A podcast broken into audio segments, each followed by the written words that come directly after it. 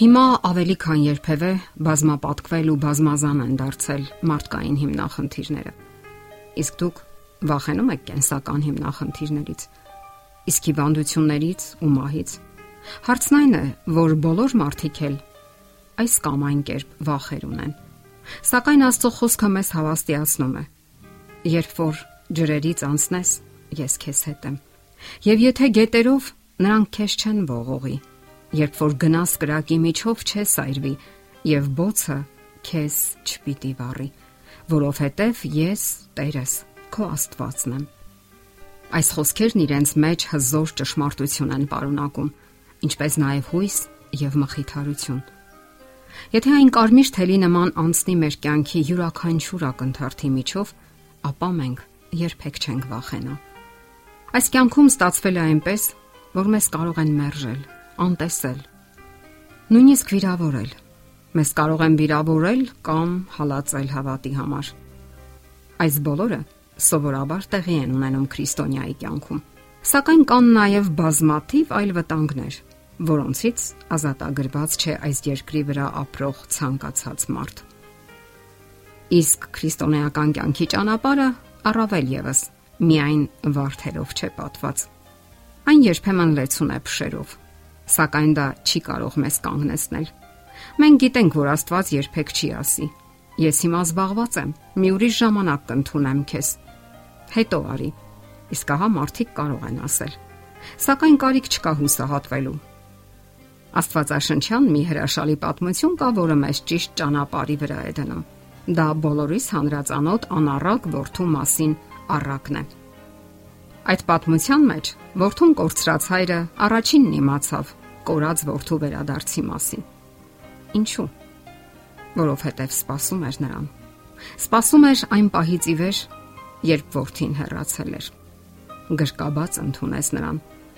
Աստված հենց այդ ձևով էլ գործում է։ Նա սпасում է եւ դիմավորում յուրաքանչյուրին, ով դիմում է իրեն։ Նա դիմավորում է մեղավորներին, հուսահատներին, հիասթափվածներին սթրեսի եւ դեպրեսիայի մեջ գտնվողներին, նրանց, ում կյանքի հորիզոնները մթագնել են եւ թունելի վերջում կարծես լույս չի երևում։ Աստված ինքը լույսն է, եւ դա պետք է հասկանան մարդիկ։ Աստվածաշունչը անառակ որդու մասին առակում նշում է, որ երկնքում մեծ ցնծություն է անգամ մեկ զղջացող մեղավորի համար։ Եվ այդ մեղավորները պետք է յուրացնեն այն ճշմարտությունը,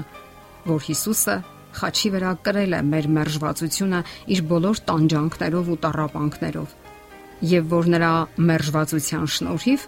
մենք ընդունված ենք որպես սիրելիներ։ Աստվածաբանական ճշմարտության համաձայն մենք մարդիկս հնարավորություն ունենք մասնակցելու մի փոխանակության, որից մենք միայն շահած ենք դուրս գալիս։ Քանի որ Հիսուսը իր վրա է կրել մեր բոլոր մեղքերն ու չարիքները, մենք կարող ենք ընդունել Աստվածային բարիքները։ Սա իսկապես զարմանահրաշ տարօրինակ փոխանակություն է։ Ահա այսպես է գործում Աստված, եւ նա ամեն ինչ անում է հանուն մարդու։ Սակայն սա իհարկե չի կարող པարծենալու առիթ տալ մեզ։ Աստված խոնարեցնում է մեզ։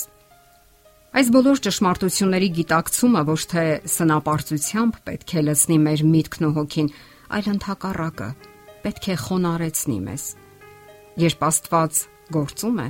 մարդիկ այլևս անելիք չունեն։ Ինչպես այլևս չունեն անհուսություն ու մերժվածություն։ Չէ որ նա միայն լավն ու բարին է մտածում մեր մասին։ Ամենալավ բաներն է ծրագրավորում մեզ համար։ Նա երբեք չի լքում մեզ, չի հրաժարվում իր չարաճճի զավակներից, եւ դա ստիպում է, որ մենք խոնարհվենք եւ ընդունենք մեր կախվածությունն ու Աստվածային զորությունը։ Մարդն իր ողջ կյանքում յուրացնում է այս մեծ ճշմարտությունը։ Աստված հասկանում է մեզ։ Մարդն իր ողջ կյանքում յուրացնում է այս մեծ ճշմարտությունը։ Յուրացնում է մեծ փորձությունների ու փորձառությունների միջոցով։ Հակասական մարդն է, որ տխուր է դարձնում սեփական կյանքը։ Իսկ ահա Աստված հիանալի է հասկանում մեզ։ Նոբելյան մրցանակի դափնեկիր Հերման Հեսեն գրում է. Շատերը մի պահ տխուր խորհրդածությունների գիրկն անկան, այն պատճառով, որ իրենց կյանքի ու ձգտումների միջև կատարյալ երկպարակություն ու անհամապատասխանություն է տիրում, որ իրենց կյանքը ոչ թե պար է հիշեցնում, այլ ծանր բեռան տակ կքած մի ջլատիչ հեվոց, մի իսկական բեռ, որ իրենք են ըստ էության իրենց ուսերի վրա ինքնական բարթել եւ այժմ ստիպված են քարշ տալ։ Այսպես լինում է, երբ մարդը չի ընդունում Աստվածային པարս ճշմարտությունները եւ նրա կյանքը դառնում է ծանր պարտականություն։ Ահա թե ինչու նշանավոր գրողը այսպես է ավարտում իր միտքը։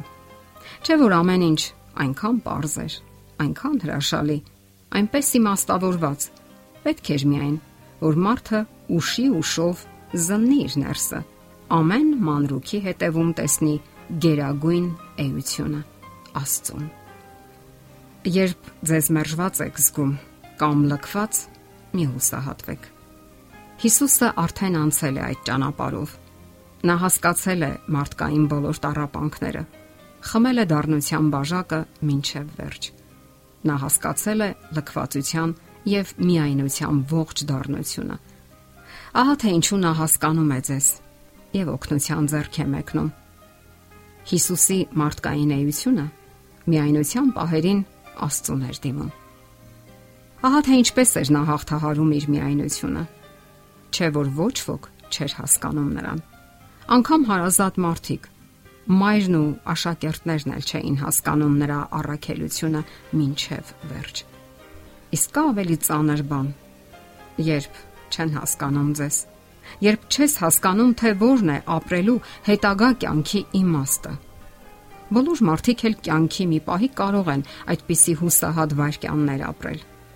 Այս կյանքում միայն արշալույսներ կամ պայծառ արևածագեր չենք դիմավորում մենք։ Լինում են ամպոտ մառախլապատորեր։ Սակայն հիշենք, որ անձրևին հաջորդում է խաղաղության աստվածային ուխտը, ծիածանը։ Եվ այնուամենայնիվ երբեք պետք չէ վախենալ ճակատագրական որոշումներ ընդունել Ոչ մի որոշում չի կարելի ընդունել առանց Աստծո հետ խորհրդակցելու։ Հիշենք, մեր վախերը ջլատում են մեզ եւ կատվածահար անում մեր հոգեվոր, մտավոր ու բարոյական ուժերը։ Իսկ Աստված ասում է. մի վեհերիր, որովհետև ես քո Աստվածն եմ։ Իսկ կա արդյոք ավելի մեծ եւ հուսադրող ճշմարտություն։ Եթերում ղողանջ հավերժության հաղորդաշարներ։ Ձեզ հետ է Գեղեցիկ Մարտիրոսյանը։